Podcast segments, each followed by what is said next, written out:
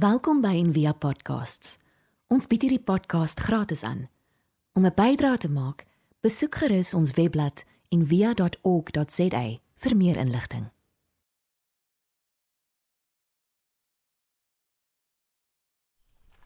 So, is die storie tot dusver, of die storie van Jesus. Uh ons werk uit Johannes 20 uit vandag. Die storie tot dusver is ons sien Jesus wat gebore word as 'n koning, maar in arm en nederige omstandighede. In 'n stal met herders. En herders het bekend gestaan dat hulle gelieg het in die antieke tyd. Hulle was nie eers toegelaat om in howe te getuig nie. En ons sien sterrekykers daar in Matteus 2, die heidene, pagans wat kom en hom vereer, wat hom vereer as 'n nuwe koning en ewig ewiglik vir Herodes ontstel. En dan sien ons vir Jesus as 'n teacher wat deur Israel loop en vertel van 'n nuwe manier van lewe. 'n lewe waar vyande vriende word, waar jy vir hulle moet lief wees, waar die armes voor gesorg word, waar mense vergifnis ontvang vir hulle mislukkings. Jesus loop letterlik van dorp na dorp en nooi mense, vissermanne, prostituie, belastinggarders, tollenaars om hom te volg in hierdie koninkryk van God.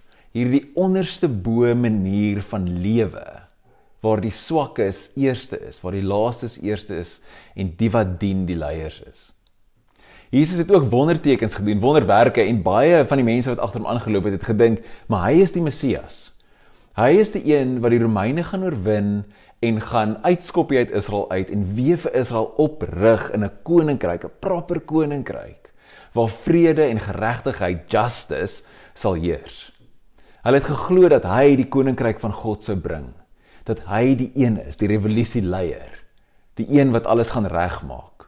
En die godsdienstige leiers van Israel, die Sadduseërs, die Fariseërs, die priesterhoofde, het ook gewag vir dit, vir die koms van die koninkryk, veral die Fariseërs en die priesterhoofde, gewag vir die die koms van die koninkryk van die hemel. Vir dieselfde ding. Maar hulle het gedink hierdie boodskap van Jesus is gevaarlik. Jesus se boodskap is nie selle as hulle se nie. Die manier hoe hulle gesê die koninkryk gaan kom, was deur om die wet te, te onderhou, om die regte mense aan die binnekant te hê. En Jesus het gesê dat God se koninkryk behoort aan die armes, die buitestanders, die sondaars en dat ware mag is om ander mense te dien in liefde. En dan hierdie konflik bereik soos 'n hoogtepunt toe Jesus die tempel se offerandes ontwrig het en die tempel skoon gemaak het en die godsdienstige leiers uitgetrap het en hulle die rebelle genoem het wat teenoor God staan. Hierdie leiers neem hom toe voor die Romeinse owerhede en kla hom aan as 'n rebellieleier en Jesus word gekruisig. Onskuldig gekruisig. En dan Josef van Arimatea en Nikodemus neem Jesus se liggaam en gaan begrawe hom. Nou hierdie is soos hierdie storie is tragies tot op hierdie punt. Dis soos die slegste ding gebeur met die beste mens. En niemand het dit verwag nie. Niemand wat agter hom aanloop het dit verwag nie. Hulle het nie gedink hierdie is die ding wat gaan gebeur nie. Hoe kan God se koninkryk kom deur 'n kruisdood? Deur iemand wat vervloek hang aan 'n kruis. Hoe kan iemand wen deur om te verloor? En kyk, soos 'n Messias kan baie dinge wees, maar een ding wat 'n Messias nie kan wees nie is dood. En Jesus is dood. Dit is die einde van die storie. En dit was baie moeilik vir Jesus se volgelinge om hierdie te verstaan. Selfs al het hy dit vir probeer verduidelik voor sy dood. Hierdie is die boodskap van die opstanding. Dis die onderste bo manier hoe God koning word. En nou lees ons hierdie storie wat afspeel by Jesus se graf waar Maria Magdalena en die disippels kom na die graf toe. Dis hierdie crazy storie wat in 'n tuin afspeel. En ons sien hoe die vrouens eers by die graf kom en hulle sien die klip is weggerol. En die hele ding van die klip wat weggerol is, is dat die manier hoe hulle begrafnisse gehou het, is hulle het jou liggaam in 'n graf gesit sodat dit kan ontbind op 'n klip gesit wat so groot is soos 'n tafel omtrent. Jy weet waar 'n mens kan oppas. So hierdie eerste eeuse grafte het so gewerk. Nadat jy dood is, is jou liggaam in die graf gelê op hierdie klip tafel reghoekige shape en dan na 'n tyd word die graf weer oopgemaak, dis hoekom jy die klip kon rol en weer vat om die bene te kry en die bene dan in 'n boksie te bære en dan in die familie mausoleum of beenhuis te gaan sit. So en dan so die die grafte het anders gewerk. Dit was nie vir dat iemand daar is en hulle bly daar vir altyd nie. Iemand moes hulle gaan haal het na die tyd. En dis kan of hoekom Maria daar aankom en wonder hoekom is die klip nou weggerol. So wat so interessant is van hierdie verhaal is Johannes skryf dit op 'n baie weird manier. Hy skryf daar in die eerste vers, dan sê hy hierdie was die eerste dag van die week. En dan weer aan die einde in vers 19 sê hy weer die eerste dag van hierdie week. En daai frase is baie spesifiek. Dit verwys terug na Genesis toe, terug na die skepping toe. En men Johannes begin ook sy evangelie so met die woorde: In die begin was die woord en die woord was by God. So die Johannes evangelie is 'n skepingsverhaal. Die hele ding is so gestruktureer. Johannes evangelie het ook sewe wondertekens in. Sewe wonderwerke. Hy noem dit tekens en hy die sewende een is Lazarus wat uit die dood uit opgewek word en dan is daar 'n agste een. Die agste een is die opstanding self. So Johannes maak 'n hele week klaar in sy evangelie en dan begin hy met 'n nuwe week met die opstanding.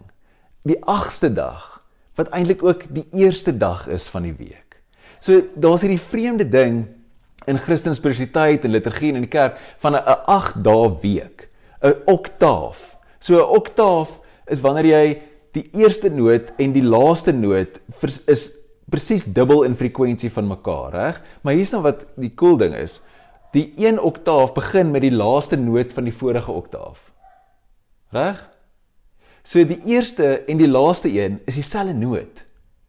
En hierdie 8 dae in 'n van die hierdie 8 dae week is ook heeltyd te bespeur in die hele Bybel seentjies word besny op die 8ste dag. Die 8ste dag van soos die loofhuttefees, daar in Johannes 7, dan woon Jesus die die loofhuttefees by en die 8ste dag van die fees is die groot dag. Daar was 7 dae van offers en dan die 8ste dag die feesdag waar Jesus uitroep en hy moes hard skree bo die geraas van die mense wat so partytjie hou, uitskree wat hy sê ek is die lewende water. As jy dors het, kom na my toe. En die vroeë kerk het ook gedink aan Sondag as die 8ste dag van die week, die dag na die Sabbat. Wat terselfdertyd die eerste dag van die week is. Ons lewe van Sondag tot Sondag. En kerkfeeste en liturgie en vastye is gereeld 8 dae lank. Jy vas van Sondag tot Sondag. En in in die Barnabas brief, een van die apokriewe boeke, dan lees dit Ehm um, wat geskryf is, dis baie vroeg geskryf, vir 70 AD in die vroeë kerk. En dit skryf dit sê I will make a beginning of the 8th day. That is a beginning of another world. For that reason also we keep the 8th day with joyfulness, the day on which Jesus rose again from the dead. En Justin Martyr, een van die kerkvaders het geskryf die 8ste dag het 'n misterie aan dit.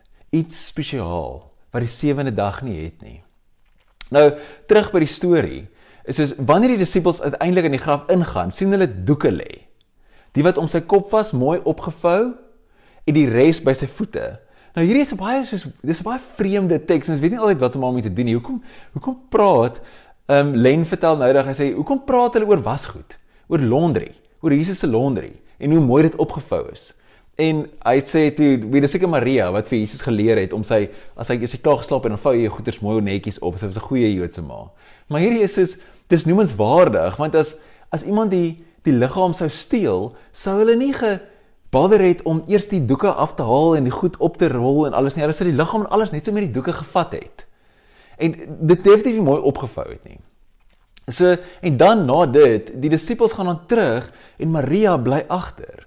So verbeel jouself net so 'n bietjie in hierdie verhaal in. Sy bly agter en wanneer sy by die graf in kyk, sien sy twee engele. Reg? Ehm um, twee engele sit, een by die koppenend en een by die voetenend.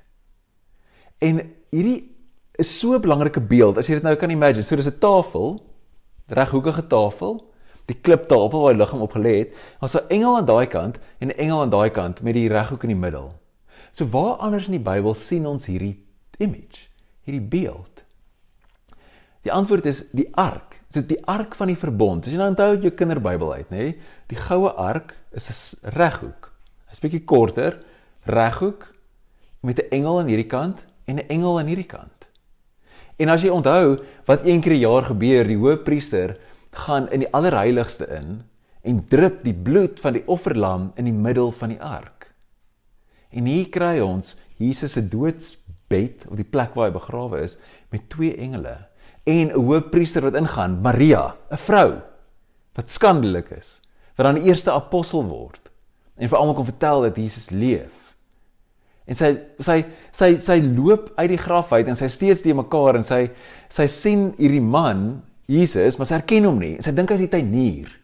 En dis daai is die beste ding in die hele storie. Die tuinier. Want hierdie gaan oor 'n nuwe skepping. En die ding wat God die heel eerste doen is hy plant 'n tuin aan op die nuwe aarde en nuwe skepping wat hy gemaak het. God is die tuinier. En Jesus is dan die nuwe tuinier. So Johannes skryf hierdie storie soos hier begin iets. Die eerste dag van die week. Die tuin, die tuinier, die opstanding. En dis nie net 'n skepping, 'n nuwe skepping hier in my hart of 'n 'n metaforiese skepping of op 'n op 'n of op 'n ander manier te praat oor ons eie soos persoonlike groei nie. Dis sekerlik dis dis ook dit, maar dit is 'n regte nuwe skepping. 'n fisiese wêreld wat oopgebreek het met Jesus se opstanding. Die vroeë Christene en die disippels en almal wat vir Jesus gesien het, het nie metafore gebruik en of taal wat praat van spooke of ek voel nou regtig warm hier in my hart, Jesus leef in my hart nie. Hulle het die woord anestie gebruik wat beteken staan op. Dit beteken letterlik lewendig geword. Hulle het ander woorde gehad vir die res, vir die spooke en die warm gevoel in my hart en die metafore, maar hulle het nie daai woorde gebruik nie. Hulle het gepraat van 'n regte, egte fisiese opstanding. 'n Nuwe begin. En al die evangelies is so geskryf. Die, die opstanding verhale is interessant want hulle voel nie soos die einde nie. Dis nie die klimaks nie. Die evangelies eindig altyd half so stomp. Hulle sê of jy wil hê ja, en wat nou? Wat gebeur nou? Dis hoe dit eindig want dit is presies wat dit is. Dit gaan oor 'n hele nuwe ding. En wanneer ons terugkyk oor die hele Bybelverhaal, kan mens sien dat die enigste moontlike ding, die enigste resultaat wat moontlik was, was soos fisiese opstanding. Daar's twee goeders wat uitstaan: God se liefde vir sy skepping en God se liefde vir justice, vir geregtigheid. So die skepping, God is lief vir die skepping. Hy maak soos 'n goeie skepping. Hy sê in die begin die hele tyd en dit was goed en dit was goed en dit was goed. God is lief vir sy aarde, vir sy mense, vir die vir die diere. Ek glo altyd hoe in die boek van Jona dan aan die einde dan as hy preek vir die hele stad van Ninive, dan kom die koeie en alles om ook tot bekering. Alles kom terug na die Here toe. En God is lief vir sy skepping. So God het nie 'n fout gemaak en gesê, "Hoerie, hierdie is regtig crappy. Ons moet dit verwoes en dan gaan ek julle almal hier uitpluk en julle in die hemel indruk waar julle kan gaan harp speel nie." Dis nie die plan nie. God se skepping is goed en hy wil dit regmaak. Een van die kerkvaders sê self, hy sê as die sondeval nie gebeur het nie, sou God in elk geval mens geword het want hy so lief vir sy skepping. En die tweede ding wat God vir lief is, is justice. Nou wanneer ons die woord justice hoor, dan dink ons aan aan aan straf. Maar dis nie wat justice is nie. Ek dink so baie aan in Batman Begins, dan sê Rachel uh, die karakter Rachel dan sê sy mos vir Batman, "Wat jy wil hê is revenge, om jouself beter te laat voel." En dis nie wat justice is nie. Justice is about harmony.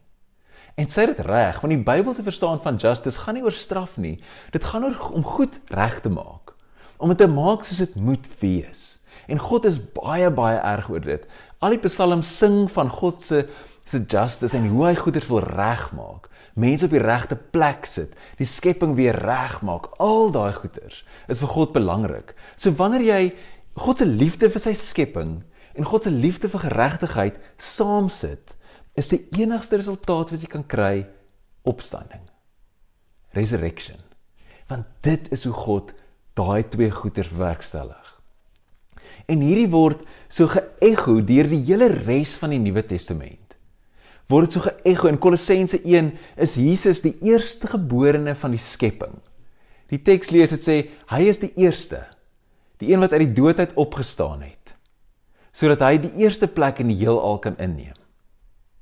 God het besluit om met sy volle wese in hom te woon en om en om deur hom alles met homself te versoen.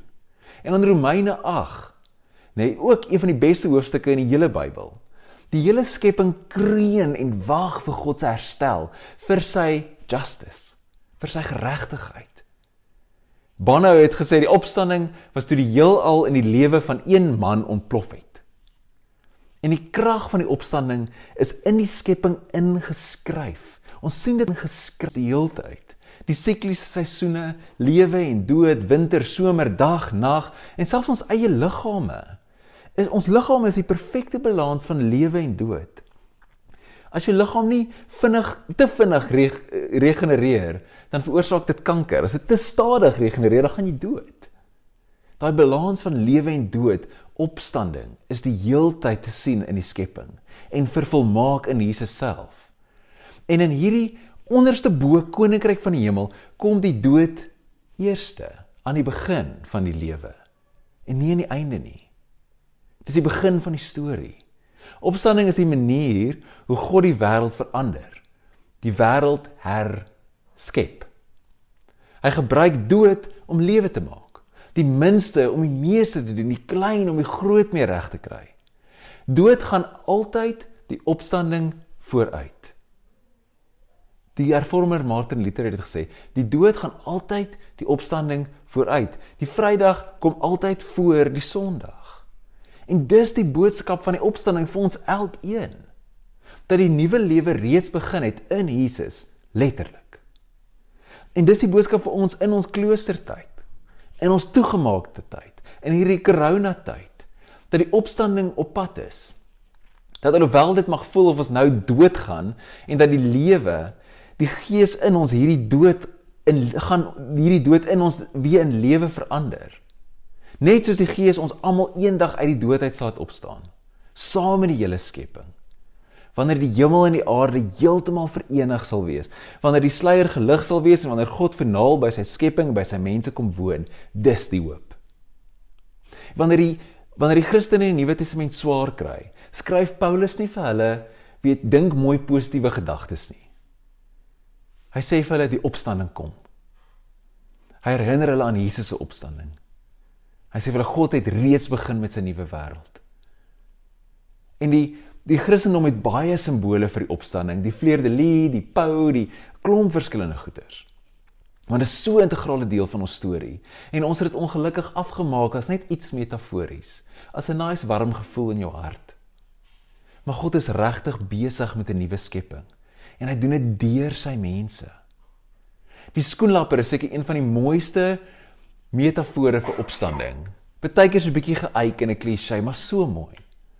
Daar's 'n skrywer, is 'n fantastiese kinderboek, Hope for the Flowers, so 'n klassieke een wat in die 70 geskryf is. Dit gaan oor oor twee wurms, Stripe en Yellow.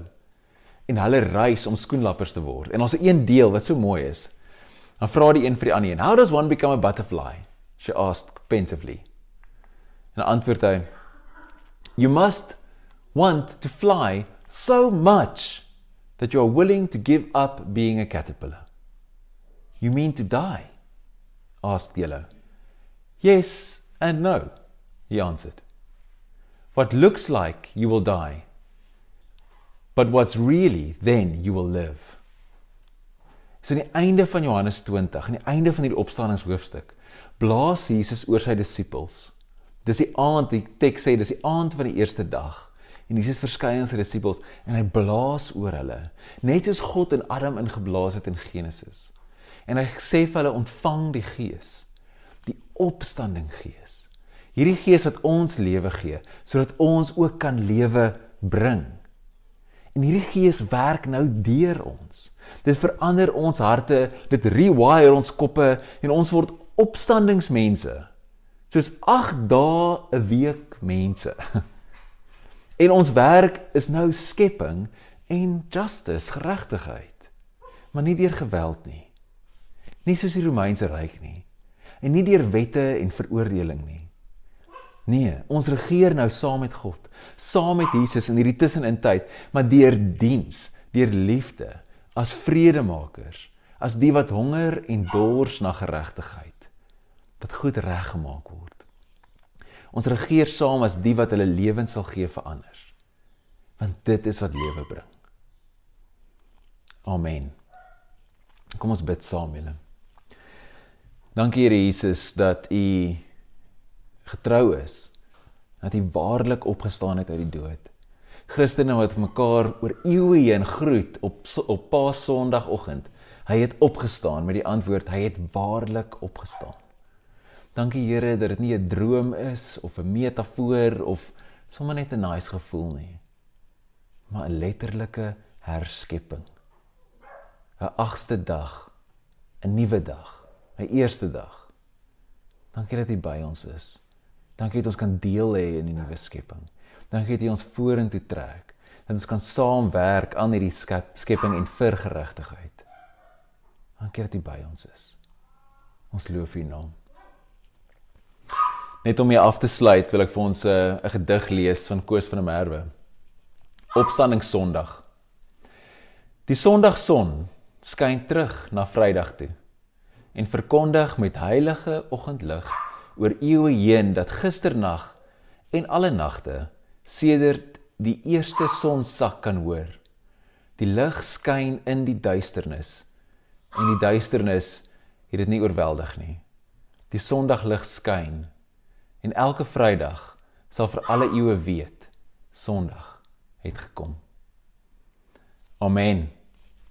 Dankie julle dat julle saam met my opstanding gevier het. En dat ons 'n bietjie kom praat oor geregtigheid en skepping en herskepping. Ek wil vir julle seën uitspreek. Mag jy waarlik Jesus se gees ontvang. Sy opstandingsgees in jou. En mag jy saamwerk deur diens, deur liefde, deur vrede om die skepping te herskep om geregtigheid te bring, om reg te maak dit wat verkeerd is en dit wat stikkend is. Dat ons saam sal werk tot die dag wanneer Jesus terugkom. Amen. Genade en vrede vir julle en uh jammer vir die tegniese onderbreking. en hierdie diens sal nou op YouTube wees en ons sal dit oplaai op Facebook as jy dit nog wil share. So ek hoop julle het 'n lekker Sondag en 'n goeie opstandingsweek ek check later vanaand weer in uh, met 'n vinnige eksamen so 9 uur op ons Facebook page as jy wil saam sit. Lekker dag julle. En as jy in 'n sirkel is, kry dalk jou sirkel jou sirkel bymekaar gou vir 'n WhatsApp video chat groep call groep call Zoom house party koffie. Lekker julle.